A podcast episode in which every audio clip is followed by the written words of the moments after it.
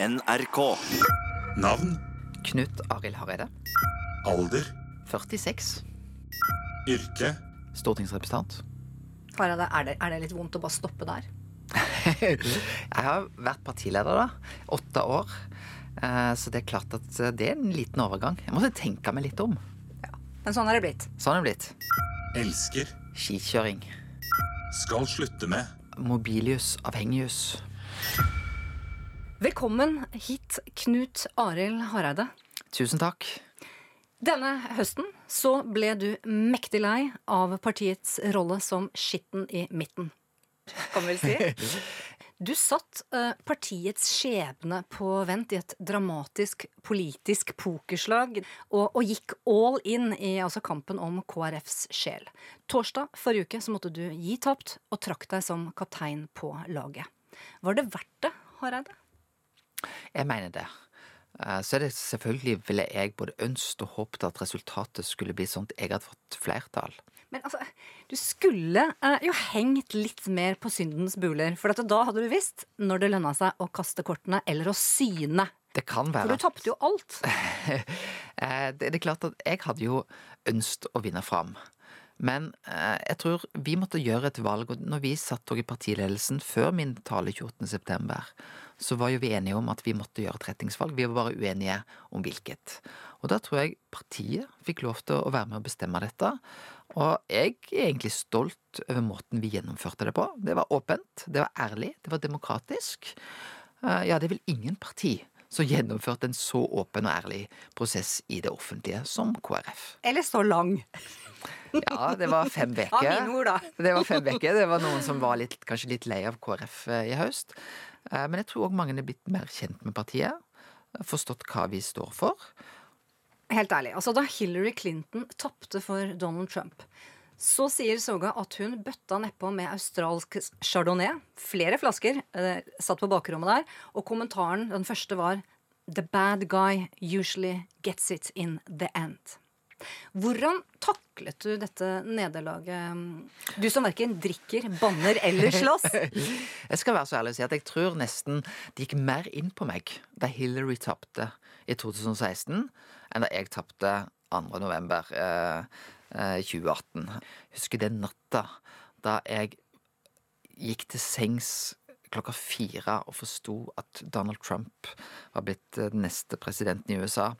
Men eh, foran vårt skjebnevalg, da, 2. november, så, så visste jo jeg at eh, at jeg kunne tape den når jeg òg gikk eh, reiste til Gardermoen 2. november. Eh, Så min måte å gjøre dette på er egentlig være sammen med mine kjære.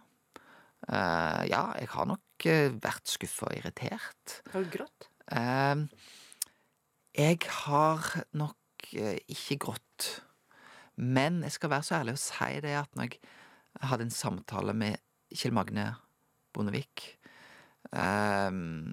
dagen derpå, da sokk det i meg. Litt å høre hans skuffelse over det valget vi tok 2. november.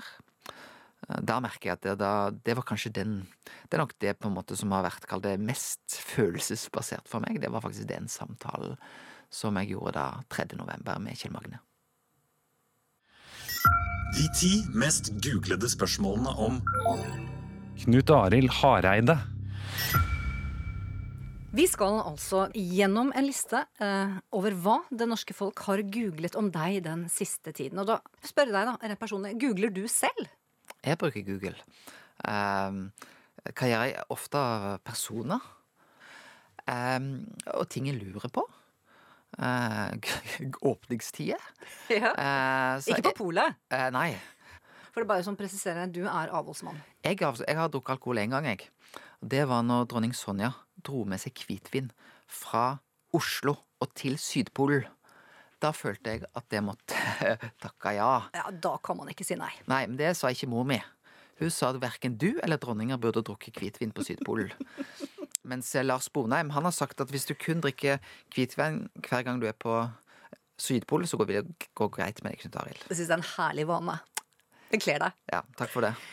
Er du klar for å begynne, Ja, jeg er veldig klar. Ja, Da starter vi. Spørsmål 10. Hareide og regjering. Ikke uventet. Nei, det forstår jeg. Ja, litt letta òg, kanskje? Litt letta.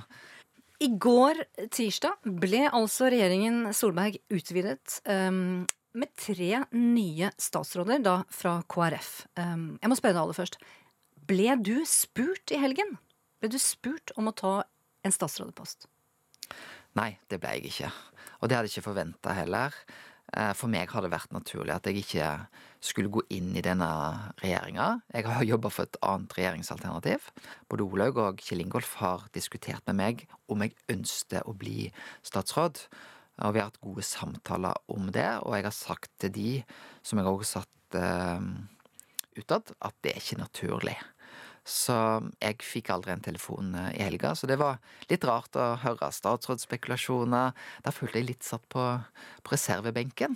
Ja, men, men du kunne tatt den telefonen selv og sagt 'jeg vil inn'. Det kunne jeg ha gjort. Du kunne det. Det, Det er, det ikke gjort. mange som har hatt muligheten til. Eh, nei, jeg, jeg kunne nok ha gjort det. Det er ikke sikkert de hadde valgt å ta meg inn da, men jeg kunne gjort det. Men eh, for meg er det riktig at jeg ikke går inn i den regjeringa.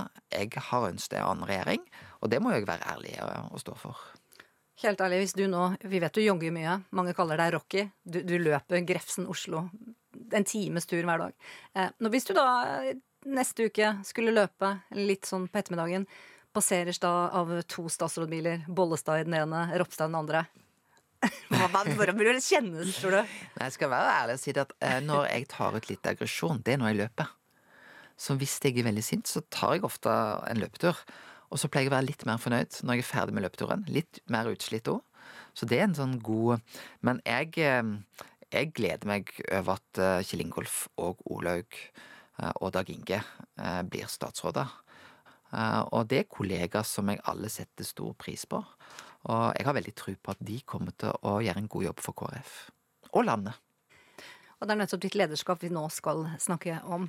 Altså, Du trekker deg da, aller først, som leder i KrF eh, på torsdag kveld. Nå er det altså Bollestad eh, Olaug som er konstituert som ny partileder fram til vårens landsmøte. Utenifra sett så kan det jo nærmest, Hareide, se ut som du har gått igjennom en politisk 40-årskrise. Når du nærmest ut av det blå setter ditt eget parti og Stortinget i limbo, og velgerne i en slags unntakstilstand en hel høst for at du skal finne deg sjæl. Og da er det mange som sier kunne du ikke bare kjøpt deg en Harley som andre mannfolk?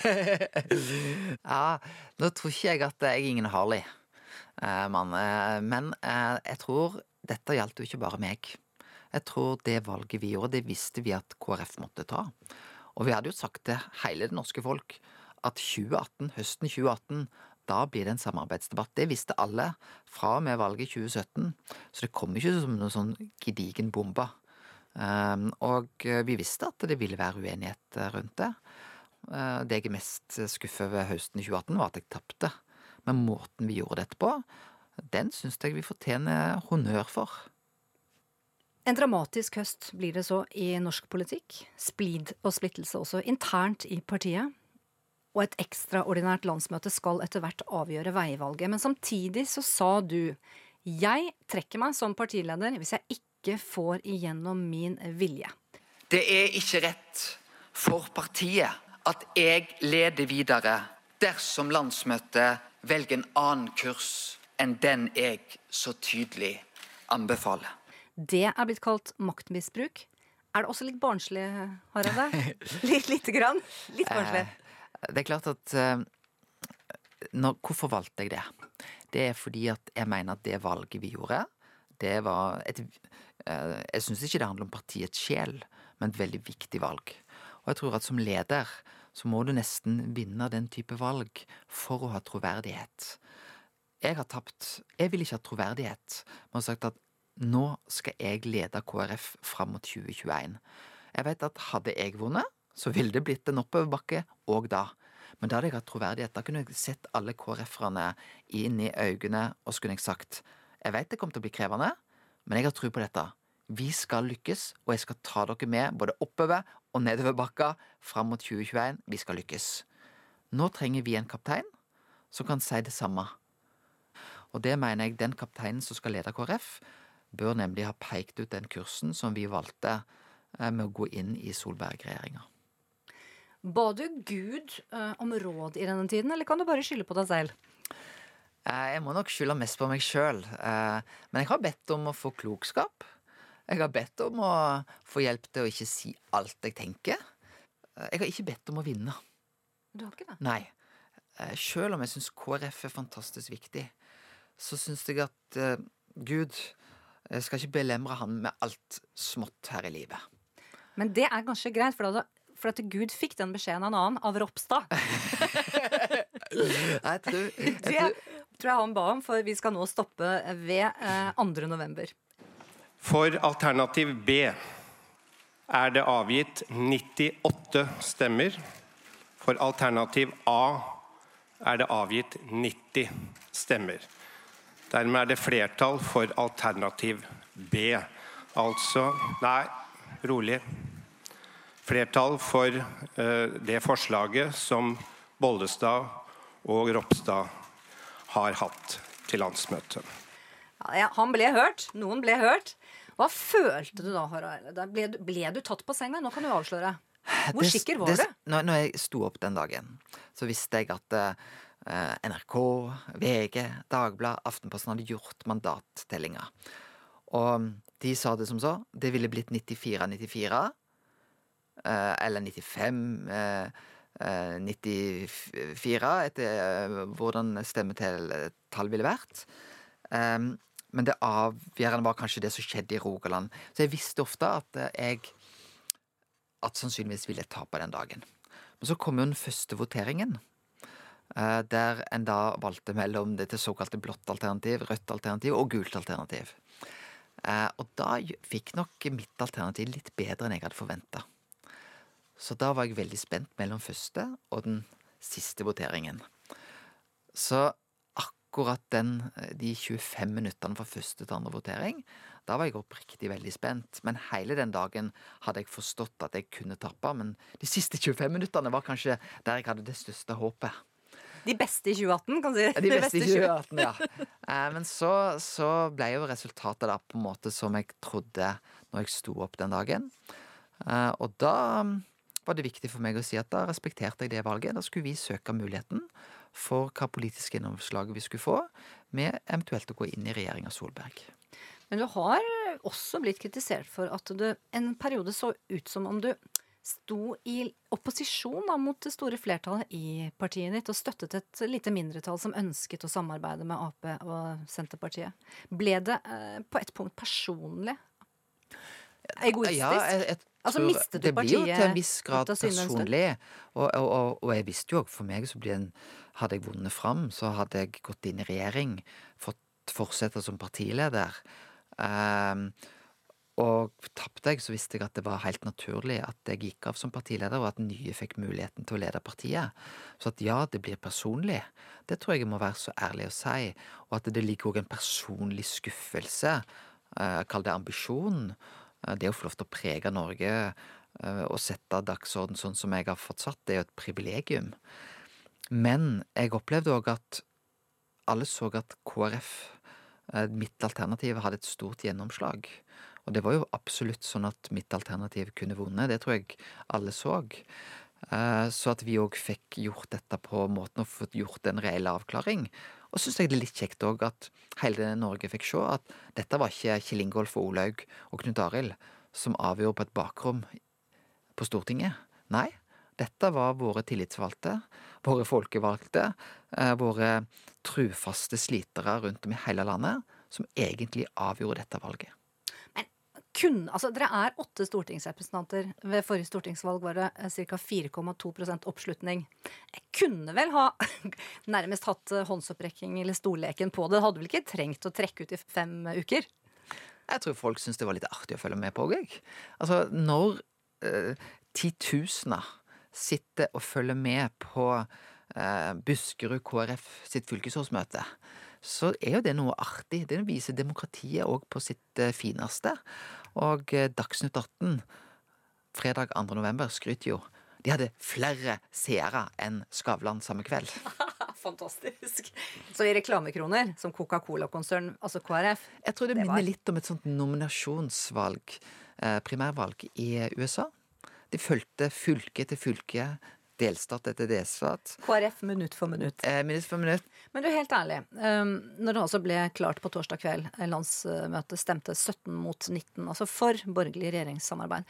Um, fire fra rød side gikk imot deg. Var det et sjokk for deg at også din egen røde Wonderboy, um, Tore Storehaug fra Sogn og Fjordane, valgte borgerlig side? Nei. Eh, jeg tror at eh, de stemte ut ifra et helhetssyn. De syntes at den plattformen var så god. Jeg mente likevel at, eh, at vi hadde stått oss på å takke nei. Men det er jo en veldig god plattform på mange områder. Og jeg er jo stolt f.eks. at KrF har fått et fritidskort til barn og unge. At vi øker barnetrygden, får en likeverdsreform. Skal ikke nevne alle politikere, men det er mye bra KrF-politikk, og det forstår jeg.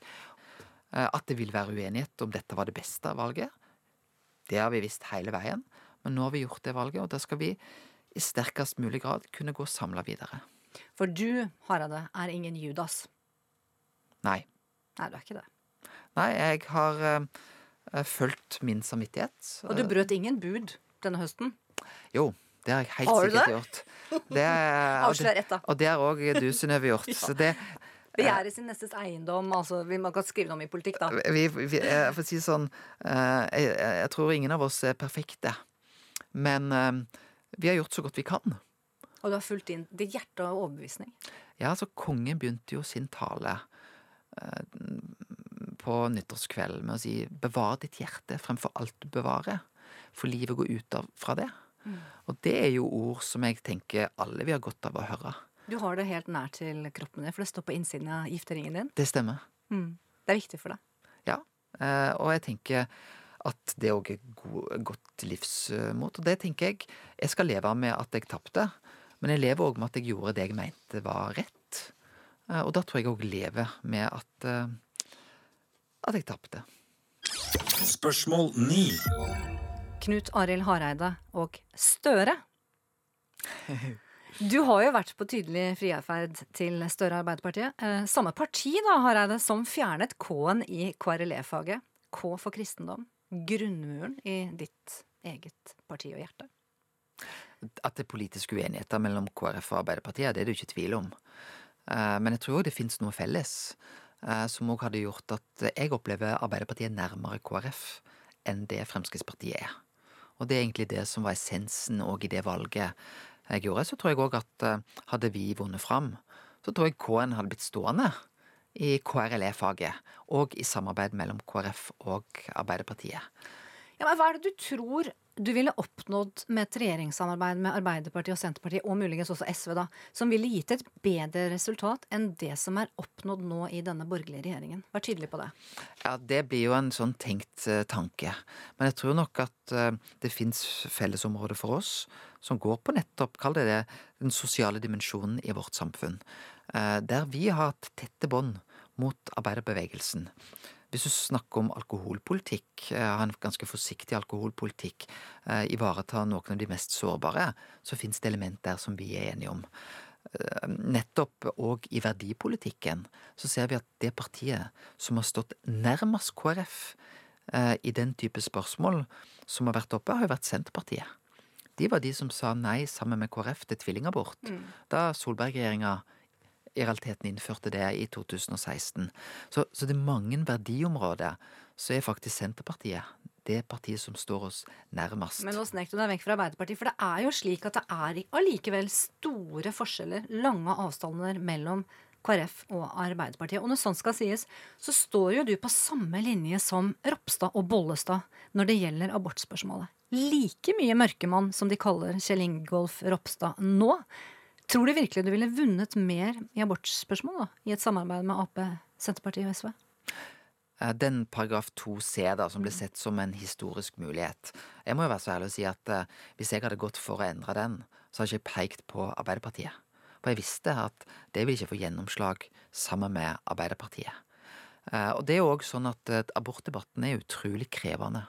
jeg håper at uavhengig av hva ståsted vi har, skal vi ha respekt for at det er et etisk spørsmål som er vanskelig og krevende. Og jeg tenker òg at jeg er opptatt av at KrF skal være et parti som løfter viktige etiske debatter, men vi gjør det på en respektfull måte. Du hadde samtaler med Jonas Gahr Støre. Det, det er jo offentlig kjent. Det ble lagt en regjeringskabal. Kan du nå avkrefte eller bekrefte her og nå i denne podkasten Var du eh, tiltenkt eh, statsrådspost, altså som utenriksminister? Det kan jeg si at eh, jeg hadde aldri blitt eh, utenriksminister i en regjeringsdøre. Hadde du ikke? Nei. Jeg har jo blitt kan jeg spekulert i det. Det kan jeg bare eh, bekrefte at det aldri ville skjedd. Men at jeg, hadde, at jeg hadde blitt statsråd i Ja. en regjeringsstørre, det hadde jeg blitt. Arbeidsminister? Men, det er litt sånn at dette kan jeg gå og fundere på hele resten av livet mitt. Men hadde dere ikke notert det ned? Nei. Skrevet det ned? Vi har aldri diskutert det. Og vi diskuterte heller ikke hva vi skulle gjøre på politiske saker. Eh, det måtte vi ha respekt for. At vi skulle lande vår prosess, og så skulle vi begynne på det. Eh, så det er litt eh, Det kan jo eh, Det kan bli mange artige spekulasjoner av det. Men fasiten er at når jeg sitter på aldersheimen, så vil jeg aldri vite hva statsrådsposisjon jeg hadde fått i regjeringa Støre. Er dette helt sant? Ja. Du og Støre har ikke delt et glass fransk årgangsvin, men dere har delt en kristne tro. Dere møttes eh, hos Troens bevis i Saronsdal 2015, og du har sagt at det var et historisk og stort øyeblikk for deg da en, altså en Ap-leder snakket om sin tilhørighet til kirke og tro. Men du kan ikke være så lett å få til sengs, Hareide. Nei, men det, det Jeg har lyst til å si at det er klart at uh, politikk er òg menneskelige relasjoner. Uh, og det er klart at uh, det går på, på tillit. Og Jonas Gahr Støre er en person som som òg har imponert meg. Han er en person som det står stor respekt av. Han er en kapasitet. Eh, nå er ikke hans kristne tru det som var avgjørende for mitt eh, retningsvalg. Eh, Men ja, det har jo gjort at det er en tillit mellom oss to. Og så er det en gang sånn at vi kommer jo aldri til diskusjonene om hva politikken hadde blitt. Men jeg er nok sikker på at vi hadde fått et tillitsforhold som politikere om vi hadde vunnet fram. Og at vi da kunne fått til gode løsninger om det hadde, om det hadde skjedd. Du har, du har nettopp sagt at det- det å snakke om tro er et av vår tids siste tabuer. Mange syns det er enklere å dele detaljer fra sexlivet enn å snakke om hva troen betyr for dem. Jeg, jeg bare registrerer at nettopp det å bli utfordra på tru og snakke om det, det skal Det er jo noe som oppleves for mange som noe litt rart og noe spesielt. Eh, Tru og kristendommen i vår nasjon har jo prega vår tusenårige historie. Og jeg tenker det For meg betyr det veldig mye. Eh, Og det kan jeg si at denne høsten ble ikke helt sånn som jeg ønsket. Men det har jeg noe som er viktigere i livet mitt. Eh, Og trua på Jesus, den er viktigere enn trua på regjeringa Støre og KrF. Jeg tror vi tillater oss et aldri så lite halleluja her. Halleluja. Ja, Det er ikke ofte. Nei. Det er for lite av det. Ja, og Ja. det er for lite av det òg i politikken. Stakkars Støre kan man jo da si. Svarteper som han er. jeg har lyst til å Nei.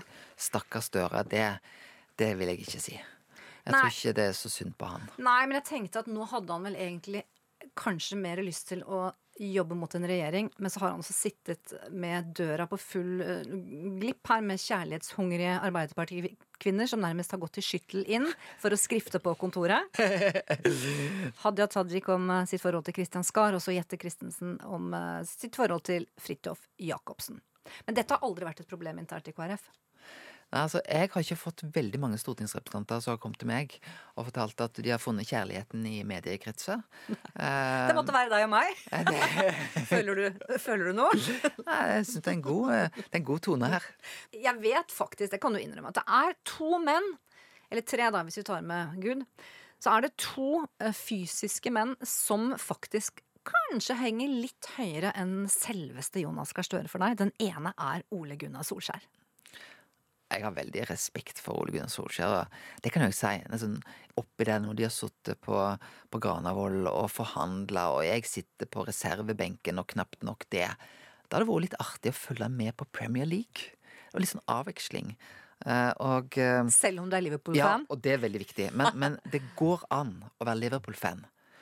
Og vi i Liverpool vi er så langt foran Manchester United at vi kan vise litt raushet. Men jeg er jo òg mer enn en Liverpool-fan. Jeg er jo en nordmann. Ja. Og jeg er stolt Ja, over er Ole Gunnar. Solskjær, og, og personligheten hans.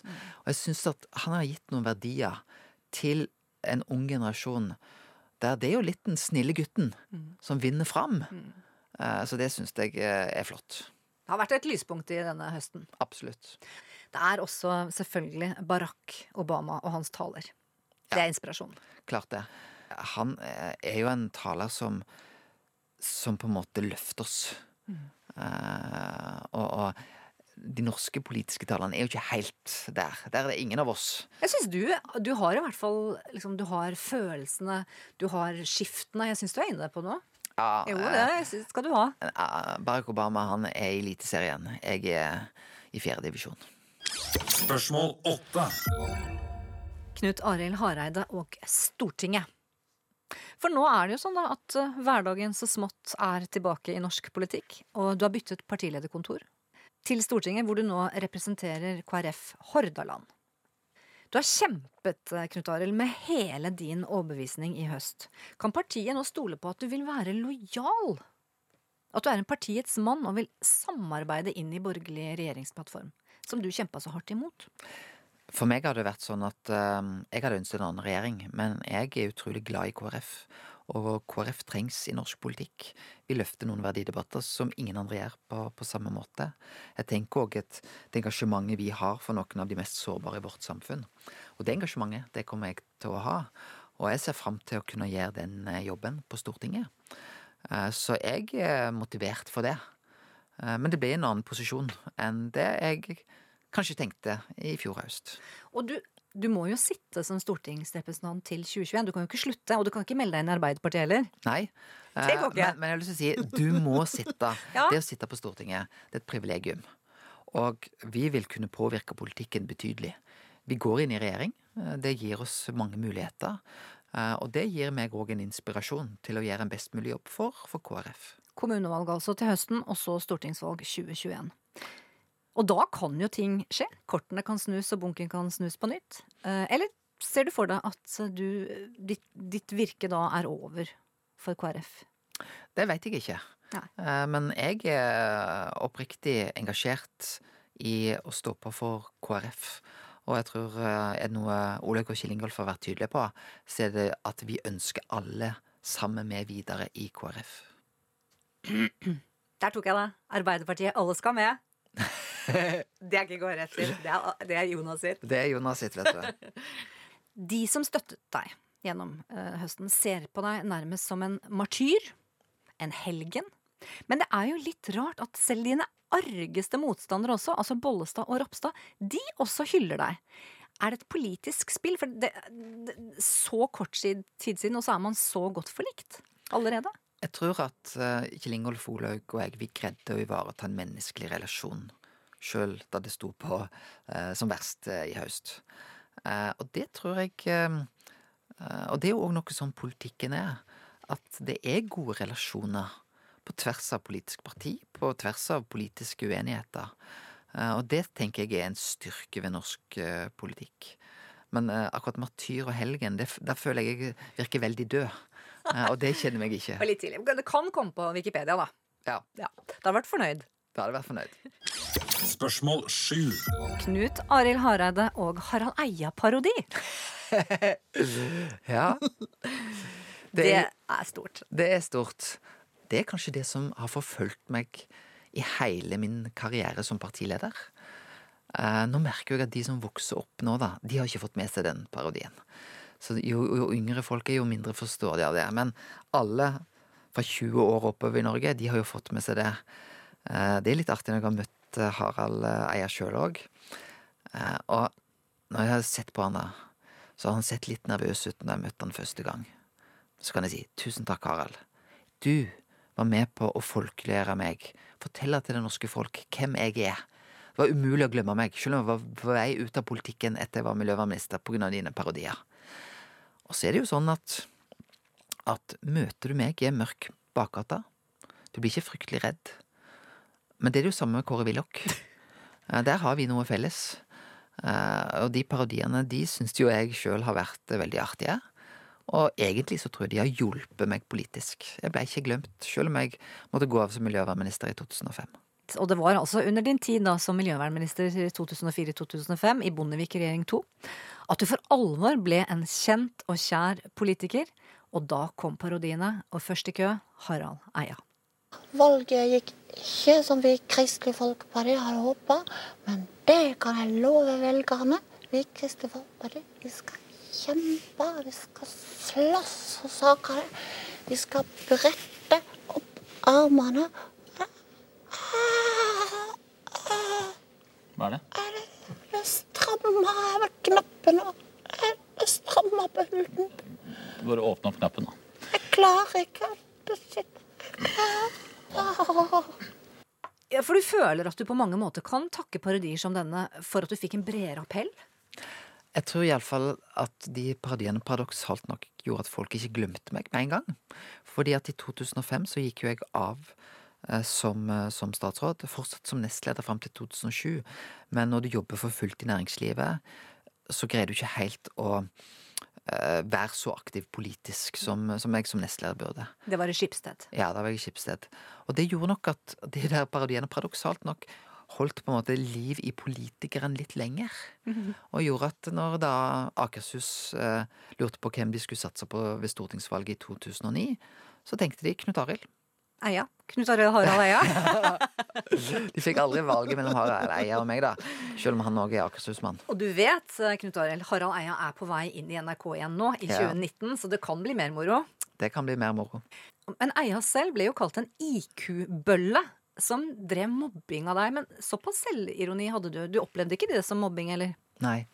Eh, Men jeg husker at de som sto meg nært, de opplevde jo den der eh, som krevende.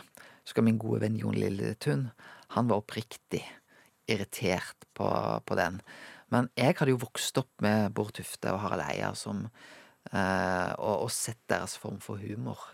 Og jeg må bare oppriktig si at de tar jo noe på kornet knytta til min personlighet. Og de gjør det òg på en måte som ikke ødelegger og er krevende for meg som politiker. Eh, Jeg nevnte den som Kåre Willoch og meg. Vi er ikke to kraftkarer. Men vi kan jo være to politiske kraftkarer likevel. Kanskje du tatt det sånn også fordi at du er et humoristisk menneske av natur selv? Jeg liker jo humor. Mm. Og jeg tenkte jo at når jeg ble partileder, så måtte jeg være meg sjøl. Og jeg har brukt humor. Men jeg blir fryktelig provosert når folk forteller at jeg har fortalt en vits. For jeg har aldri fortalt en eneste vits. Men jeg har brukt humor som en del av det å komme med politiske budskap. Og nå så vet du vel, er klar over det, at det er en ny bølge på vei. Det er en ny komiker som har lagt sin elsk på deg. Eller i hvert fall La seg litt inspirere av deg, Hareide. Og vi skal høre et lite kutt fra Kevin Vågenes parterapi her. Nei, vi har uh, ingen konflikter. Uh, vi krangler ikke i det hele tatt. Ja, jeg syns det er litt dumt at vi ikke krangler, da. Det er kjempedumt. Jeg er helt enig med.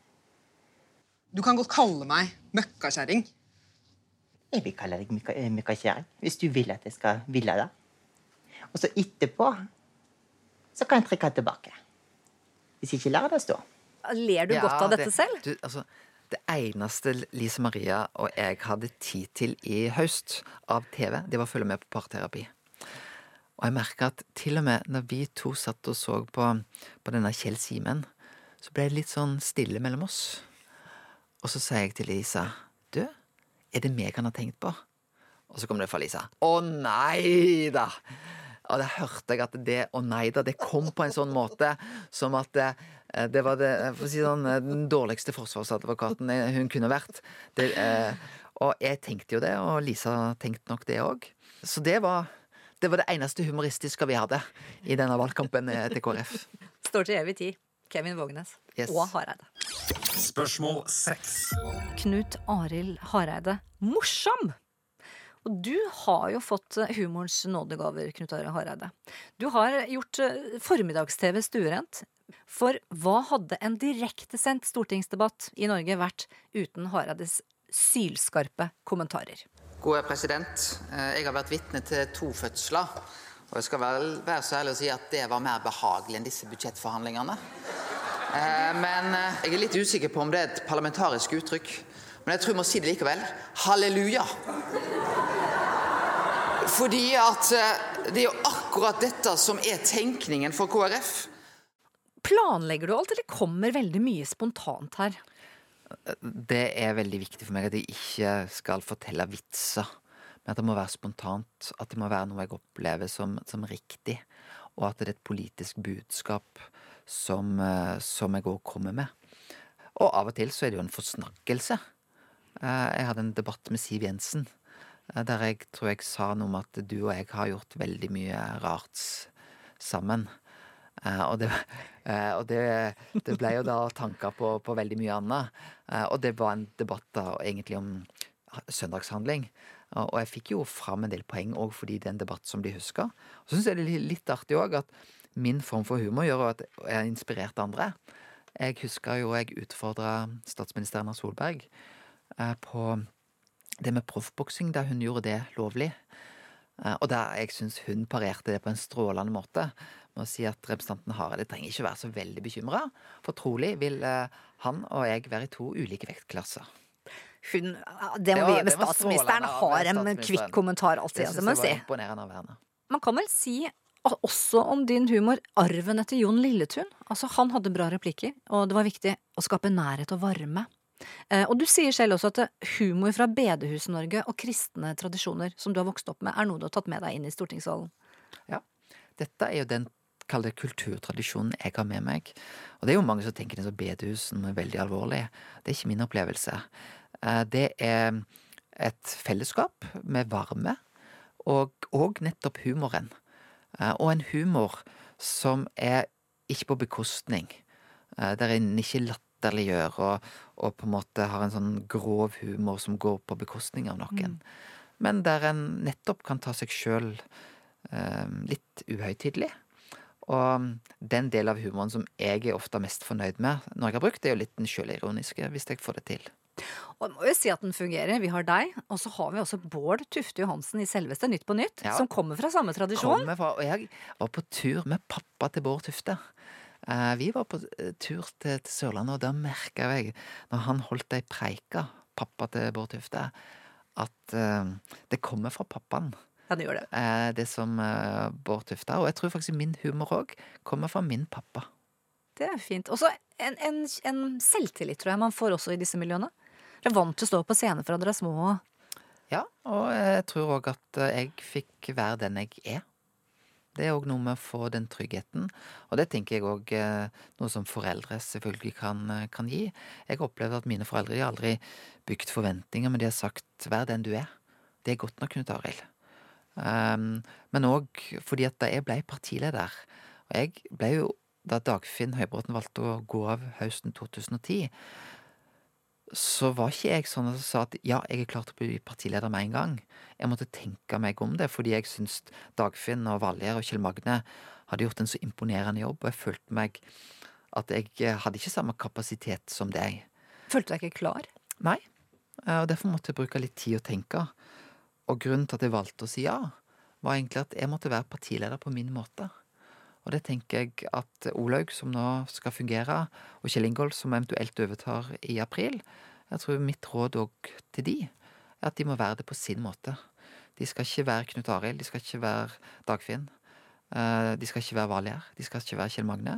De må være Olaug og Kjell Ingolf, og det er mer enn godt nok.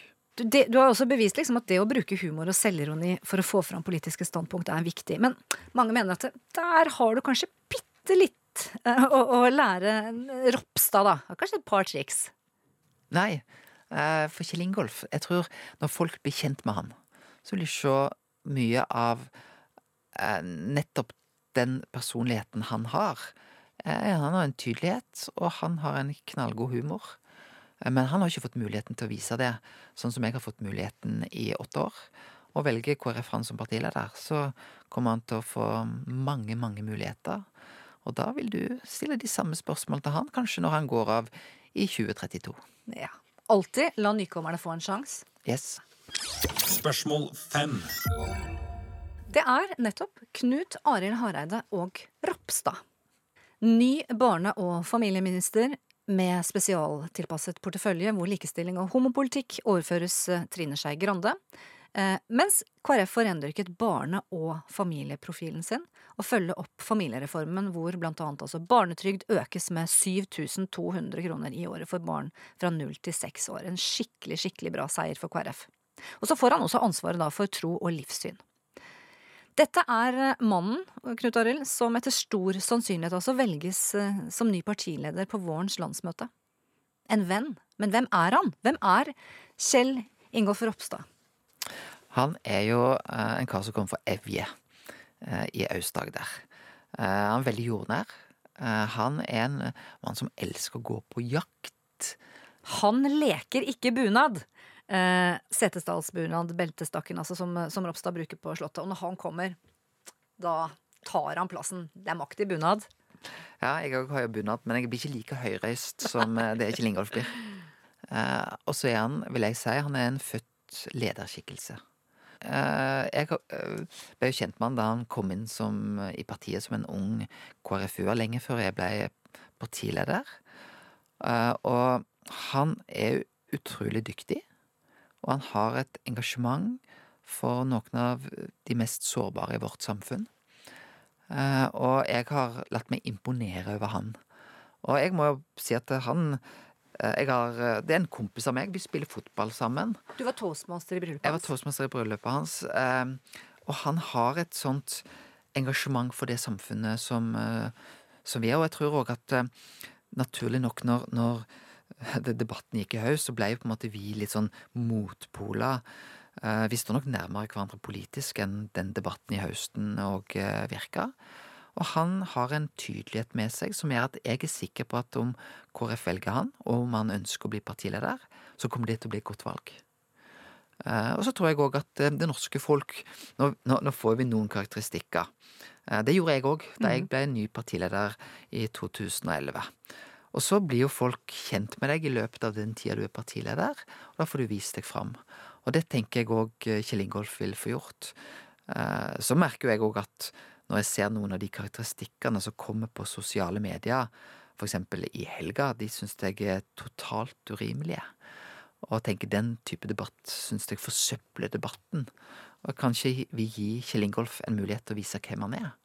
Eh, Og jeg er sikker på at han kommer til å stå i det, eh, og gjøre en veldig god jobb for partiet. Han har rukket å bli hoggestabbe nummer én. De har gått i et slags felles korstog mot han. Jeg, jeg blir veldig skuffa over den type utspill som jeg har sett i sosiale medier. For det første, finn den politikeren som ikke har vært litt uheldig med en uttalelse. Og jeg eh, husker sjøl da jeg skulle presentere eh, Nydal-erklæringen i 2013. Så kom jeg med en uttalelse som sa at eh, vi har fått til mer på 14 dager enn SV fikk til åtte år. Eh, Det skuffa meg sjøl at jeg sa det. Eh, Jeg satte meg ned og så skrev jeg et brev til Audun Lysbakken og sa beklager. Altså Poenget mitt vi kommer alltid med uttalelser som vi ikke føler helt treffer litt. Og hvis du ikke gjør det, så har du ingenting i politikken å gjøre. Eh, og jeg, Derfor syns jeg det var, var fint av Kjell Ingolf òg å, nettopp korrigere den uttalelsen. Men da tror jeg òg vi skal ha respekt for det. Så skal vi òg lytte til det politiske budskapet som han eh, kommer med. Og jeg tror jo, samme hva vi mener, så tror jeg for eksempel det med tvillingabort det er en etisk kjempevanskelig problemstilling. Og det er ingen andre land i Europa som har den muligheten. Eh, og, og, og, og nettopp ha respekt for det. Og så tenker jeg at jeg ønsker å bidra til at vi òg kan diskutere abortspørsmål, men vi skal ha respekt for at det er kjempevanskelig etisk spørsmål. Og fikk jo nå i siste time også støtte av Kristin Skogen Lund, da. Um, er tilbake til dette med fosterreduksjon. Hun er jo uh, selv to- dobbelt tvillingmor. Ja, det, det, Da kona mi hørte det, så tenkte jeg wow, det er litt av en jobb. Ja, og Men hun jeg- skrev da en tweet Jeg har fått dyp respekt for bånd det er vanskelig for andre å forstå. Jeg likte jo ikke at abortspørsmålet ble brukt som en sånn symbolsak i den debatten eh, som var eh, knytta til vårt landsmøtevedtak eh, i høst. Men jeg har lyst til å advare òg venstresida om å bruke abortdebatten nå på samme måte. Og så tror vi òg skal vite at de endringene som òg nå skjer i abortlova, de er jo knytta kun til nettopp eh, dette som går på, på tvillingabort. Eh, Og det er altså den praksis som da ikke er i andre land i Europa. Så vi får egentlig praksis i tråd med det som andre land i Europa har. Men eh, de eh, truer altså med, eller varsler, abortprotest 8. mars, Moxnes. Og Støre er i harniske, vil kjempe imot svekkede kvinners selvbestemmelsesrett. Hva svarer du, Støre?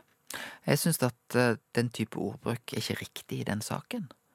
Det er ikke det det handler om. Eh, Det er en annen problemstilling. Og eh, vi tok jo opp den saken opp i Stortinget. Og den gang så var det KrF og Senterpartiet som løfta fram dette som en etisk problemstilling som fagmiljøene har tatt opp. Og så vil jo det fortsatt være en mulighet for tvillingabort etter uke tolv knytta til den lovgivningen vi har, men da basert på de kriteriene som er i paragraf to i abortlova. Spørsmål fire. Du kom i fjor høst ut med en bok. Det som betyr noe. Det er um, en viktig bok for deg. Ja, jeg fikk jo et veldig skuffende valgresultat i 2017. Og da tenkte jeg at nå har jeg behov både for å For min egen del litt parterapi i det, eller terapi. Sette meg ned hva er det viktigste for meg i det politiske arbeidet. Og Derfor så satte jeg meg ned og skrev den eh, boka. Eh, Nå er den boka blitt knytta veldig opp til samarbeidsdebatten, men for meg var det å sette fokus på, på hva er egentlig de viktigste sakene som, som jeg kjemper for. Og jeg tror nettopp at både i mitt liv så, så merker jeg at når jeg blir fryktelig opptatt av meg sjøl, så er ikke livet mitt på sitt beste. Og sånn tror jeg òg det er med vår nasjon. Hvis Norge blir veldig opptatt av kun seg sjøl, så blir det noe smått. Eh, Og nettopp se det politiske perspektivet, at egentlig så er vi så å si samtlige i Norge lottomillionærer opp mot den verden vi lever i. De store utfordringene i dag, det er klima, det er fattigdom. Eh, Det å løfte det perspektivet, eh, det tenker jeg er viktig, og jeg mener jo òg at er en tid der vi har en amerikansk president som med Trump, som uh, kommer med usannheter nesten mer enn uh, sannheter i sitt politiske budskap. uh, Da er det noen grunnleggende verdier vi må ta vare på. Og så er jeg òg opptatt og stolt over de kristne verdiene. Og og det mener jeg det skal vi være ærlige på. Kristendommen har prega vår nasjon i tusen år. Preger vår kultur, vårt syn å se på, mennesket. eh, Har prega vår politikk, og det skal den òg gjøre framover. Og jeg mener jo at i et samfunn som er mer mangfoldig, mer flerkulturelt, mer eh, fargerikt og flottere enn noen gang, så skal ikke vi glemme røttene våre. Og jeg tror òg at lære de unge som vokser opp i Norge i dag, å bli kjent med røttene, våre kristne røtter. Da tror jeg de blir tryggere på seg sjøl, og de møter det nye og ukjente på en trygg og god måte. Eh, Og der opplever jeg egentlig en større støtte for å løfte deg i, inn i den norske debatten enn på lang, lang tid. Eh, Og KrF er jo garantisten for det. Og det har nettopp slått meg som et paradoks at selv om vi løfter de kristne verdiene og kristendommens plass i vårt land, så har oppslutningen under min ledertid likevel blitt lavere og lavere. Og da kanskje jeg har gjort en god nok jobb. Kanskje også da en bok som setter i gang hele fjorårets høstdebatt. Den prega jo naturlig nok debatten i høst, men den blei nok òg litt annerledes fordi den kom inn i en samarbeidsdebatt. Jeg tror den boka hadde blitt lest annerledes hadde den kommet i fjor vår. Eh, Men nå kom den da opp i den debatten, og da ble jo det symbolet på den debatten vi hadde. Veldig enkelt så mener jeg at, at Arbeiderpartiet står oss nærmere enn Frp. Og derfor så mener jeg òg at det burde fått et, et, et utslag for det valget vi gjorde. Eh, Og det handler jo aldri om vårt forhold til partiet Høyre eller Erna Solberg.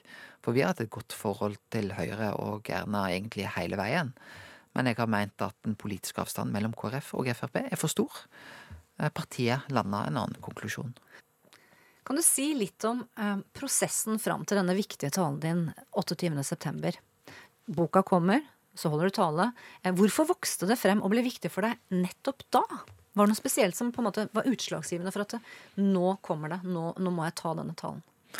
Det er jo sånn at den talen ble tydeligere og sterkere enn jeg trodde bare ei uke før 28. september. For jeg hadde skrevet manus der jeg egentlig var litt sånn argumentet for og imot alle alternativene våre. Og så tenkte jeg, Knut Arild, du har vært tåkefyrsten i ett og et halvt år. Eh, valgkampen 2017 så var ikke jeg veldig tydelig. jeg hadde et budskap som på den ene og på den andre måten, det nådde ikke fram. Jeg gjorde et dårlig valgresultat. Eh, Og når jeg da så den talen ei uke før 28.9.2018, så så jeg den ble for utydelig. Og derfor så gjorde jeg den sjøl, og skrev veldig mye sjøl på den talen. Eh, Og den ble nok tydeligere og sterkere enn kanskje jeg eh, eh, trodde. Bare noen få dager i forveien. Kjære landsstyre.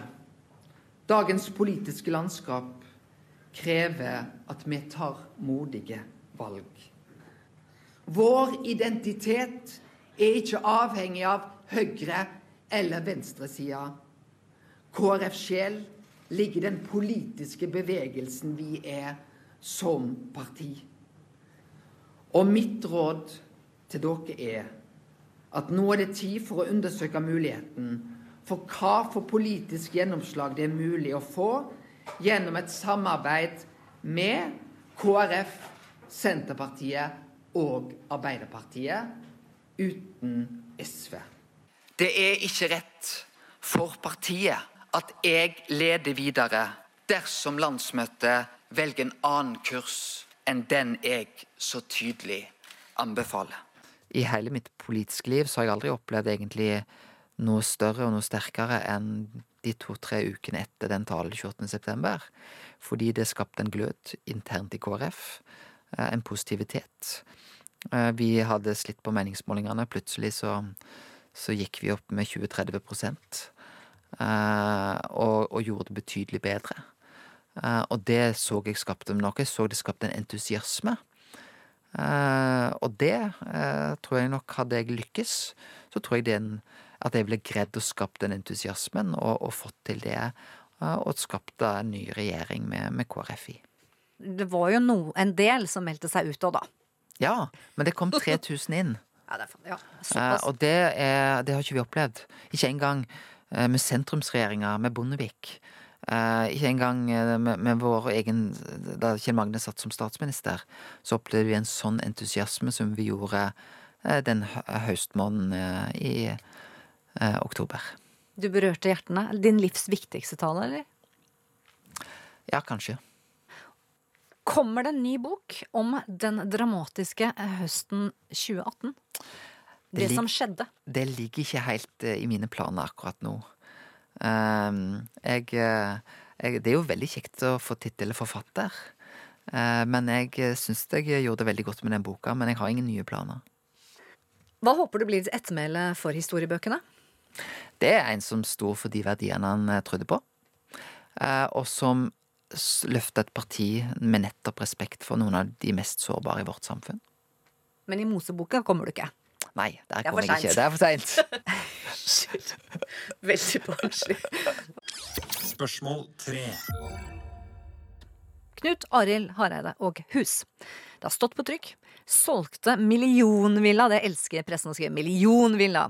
Eh, Det er altså et 300 kvadratmeter stort hus. Seks soverom, står det i Se og Hør. Prislappen var 16 millioner, men gikk langt over prisantydning, står det i Dagens Næringsliv. 1,5 eh, mill. i fortjeneste ble solgt for 17,6 millioner. Det er pent overskudd. Og så sier du, den kjøper ikke jeg, solgte for å redusere boliglån og familiens kostnader. Ja, men Det er faktisk veldig riktig, fordi jeg har hatt en jobb som har gjort at å få familielivet til å gå opp, har gjort at eh, Lisa har valgt å ikke jobbe så mye. Hun driver en en butikk med frivillighet, men der hun ikke bruker full tid på det. Eh, Og det er fordi at eh, min jobb har krevd så mye at eh, når jeg kom i barnehagen, så har noen av barna spurt hvem er du? Heldigvis ikke mine egne. Men, og da sier jeg pappaen til Sara og til Tord Olav. Og når vi valgte å selge, så var det litt fordi at, at vi skulle få familielivet til å gå opp. Så, så da hadde det egentlig helt unødvendig å selge, for nå får jo jeg mer tid, og vi kunne egentlig gjort det. Eh, Men jeg må jo si at boligmarkedet i Oslo, da er det fryktelig kjekt å selge. Ikke så gøy å kjøpe seg inn. Du, det har vært noen, noen kommentarer jeg leste jeg vet ikke om det var Dagens Næringsliv, hvor det står altså Hareide gjør det bedre på boligmarkedet enn på velgermarkedet. Ja, det er sånn det er, vet du. Men du, um, hvor skal dere flytte? Du, vi har flytta inn til min bror. Det så jeg òg at Kjell Simen i Kevin Vågnes Parterapi hadde gjort. Så, eh, men vi bor der eh, og har det fint. En 110 kvadratmeters leilighet. Og så vurderer vi nå hva vi skal gjøre. Eh, så vi er litt på utkikk etter naturlig nok vårt eget, men vi har litt tid på det. Og nå kan jo det være at jeg òg får litt mer tid til det. Spørsmål to. Hareide utdanning.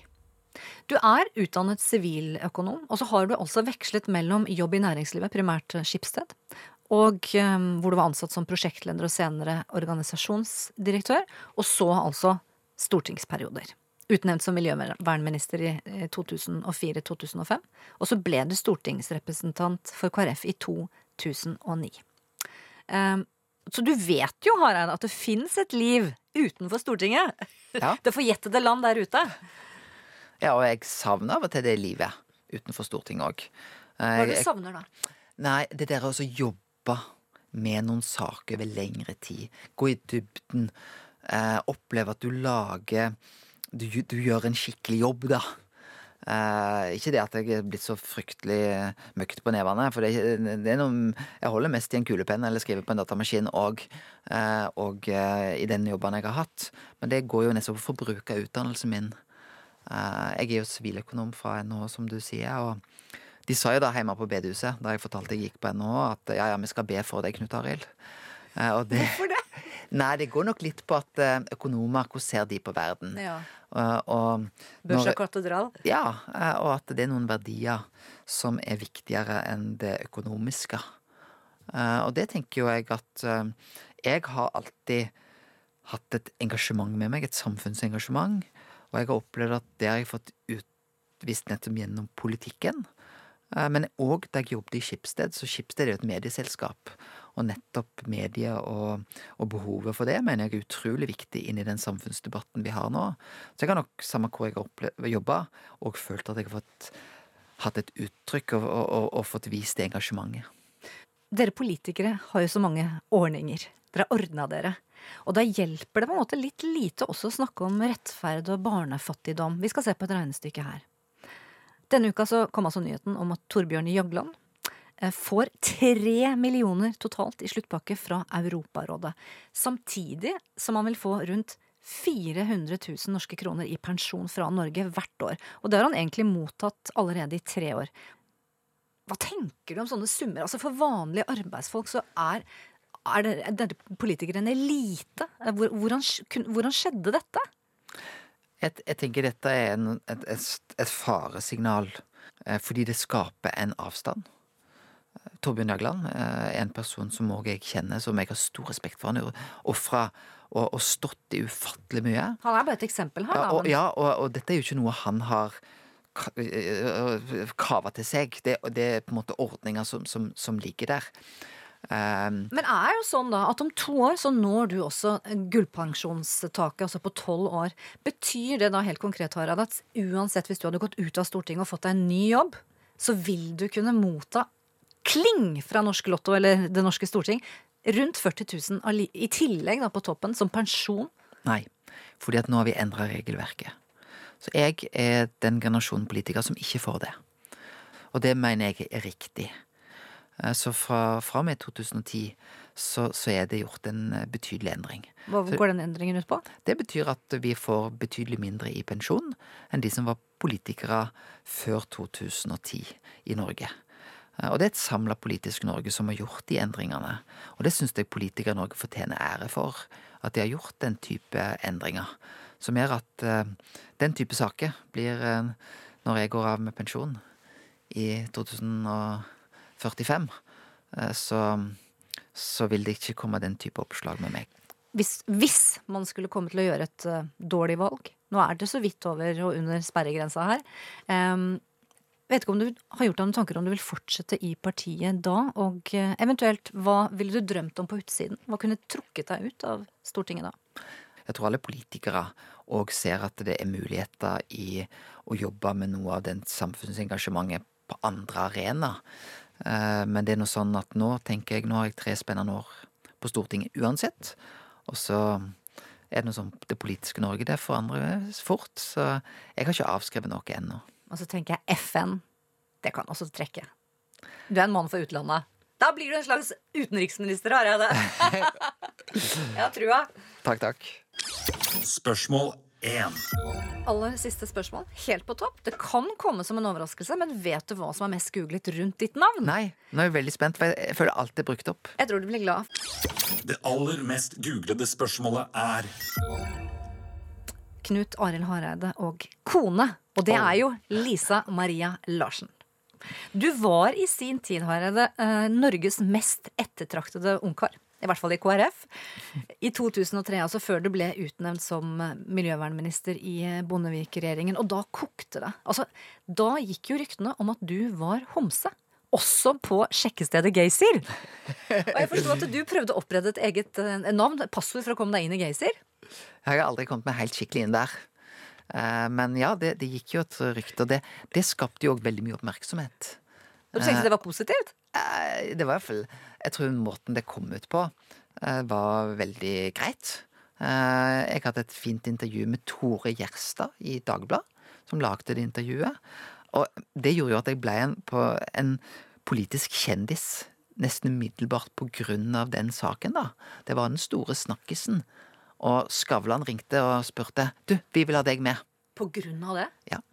Det Så utrolig. det var eh, så, så blei det jo så mye snakk om det at jeg fikk òg en del tilbakemeldinger som sier hvorfor skal du alltid si at du ikke er homse? Så da slutta jeg helt bevisst eh, å snakke om det. Eh, men jeg er jo litt mer fornøyd at eh, det er Knut Arild Hareide kone, da. Ja. Som egentlig preger prega. Vi måtte jobbe for henne, det har jeg lyst til å si. Ja, det vet jeg. Men ja, for hun var flott. Vi, skal ta, vi tar åstedet. Vi skal også tilbake til Kragerø. Det er en sommerkveld. Det er skjærgårdsgospel. Og det er altså 2004. Og det er deg, og det er Lisa Marie. Give it away. Jeg, og jeg kom i statsrådsbil. Mørk, svart statsrådsbil. Til Kragerø. Oppdager Lise Maria. Sender statsrådsbilen aleine tilbake. Tom bil. Altså Hva? kun med sjåfør. Eh, Jeg lurer på hva han sjåføren tenkte på. Her er en som har kjørt en statsråd til Kagerø. Så kommer vi tilbake til Oslo med tom bil. Eh, og jeg veit ikke helt om jeg fortalte hele sannheten til den sjåføren. Så da traff jeg Lise Maria, eh, og vi møttes da i 2004. Men vi gifte oss først i 2012. Ja. Det var fordi hun dro til USA. Traff en US Army soldier. Nei. Eh, Nei. jo, jeg må bare innrømme Det er ikke lov. Men så tenkte hun jeg trenger noe litt mer macho, så hun kom tilbake til meg. Og resten er historie. Men er du klar over at du og kronprins Haakon, Magnus, møtte, han møtte jo Mette-Marit på en festival. Du møter henne sånn. Det er jo nesten litt likt. Ja, eh, så det er bare positivt. Du sang brudemarsjen når du gikk inn i Lunde kirke eh, i 2012. Da var det altså eh, brudemarsj, og det var orgelspill. Kan vi høre en liten smakebit? Først sa du nei, så sa du ja, så sa du kjæresten min. Jeg står staskar for deg, og du den, den, den. Ja, det var det. Modig Ja, jeg, og stort øyeblikk. jeg synger ikke offentlig. Etter at Valgjerd sang La det svinge, så har det vært litt forbudt for det for KrF-leder. Valgjerd sang, vet du. Og Valgjerd har ei flott sangstemme. Hun har det, men Ja. hun ga dere en gave, og det var en sang. Var det en slags demotape av La det svinge? En CD? Eh, jeg syns Valgjerd hun viser at hun gir alt av seg sjøl. Hun gjør det. Nå er dere blitt en familie. Det er på døra. Her bor Lisa Marie, eh, Knut Arild og eh, Margrethe. Og Tord Olav. Hvordan er det? Nå får du mer tid til dem. Jeg vet at familien din betyr alt. Og det er det positive. Lisa Maria sa det veldig fint da jeg kom og fortalte hva retningsvalget jeg ønsker. Hun sa dette er en vinn-vinn. Enten vinner du, Knut Arild, eller så vinner vi deg. Har det vært verdt det, denne kampen? Når du ser liksom hva du har hjemme, da, og hva du egentlig ofra i høst, og hvor du sto på? Sto på. Ja, det tenker jeg. Og eh, jeg tenker det, vi har fått satt i gang en viktig verdidebatt, som jeg er glad for. Eh, men jeg hadde ønsket jeg hadde vunnet. Men kan jeg spørre deg, din eh, kone, er hun en slags skal vi si, KrFs Yoko Ono? Har hun vært med å prege eh, Hun har prega meg. Ja, hun har det. Jeg Ja. tenker på historien hennes med søsteren, rusmisbruk, de to barna som dere tar ansvar for. Mm. Har Lisa Maria litt skyld for Jeg skal ikke si for all, den dramatikken i høst, men har hun vært med på å dra deg til venstre i norsk politikk? Hun har vært med å prege meg. Og det er ingen som har prega mer, mer politisk enn henne eh, den siste tida. Eh, og hun var veldig glad for det jeg gjorde. Um, Oppfordret hun deg til det? Snakket dere om det hjemme? Fordi at jeg kom til henne og fortalte hva jeg skulle gjøre. Uh, og vi snakker sammen om hva som er det viktige, og hva, hva vi skal stå for. Men det partistrategiske, det er det ikke hennes jobb å gi meg råd på. Nei, for grunnen til jeg spør, Hun har jo synderlig påvirket deg tidligere. For vi så jo da, da tenker jeg på bildet av deg, eh, Lisa Marie, din kone, og Amal Aden, som også går sammen hånd i hånd i Pride-toget i Oslo i 2016. Eh, da du sier du fulgte hjertet ditt og partiets. Og hennes, eller? Ja, jeg tror Lise Maria tenkte at det var rett for meg å gå i Pride i 2016. Og hun tenkte Knut Arild skal ikke gå der aleine. Han skal eh, Fordi han, hun visste òg at det kosta noe for en del i KrF. Eh, og vi var jo sammen i Orlando da de forferdelige tragedien skjedde. Og vi opplevde ei fantastisk tid der. Og da å vite at mennesker blir drept kun fordi de er homofile og lesbiske, så var det et genuint engasjement fra både Lisa og meg og vise at dette må vi stå opp mot.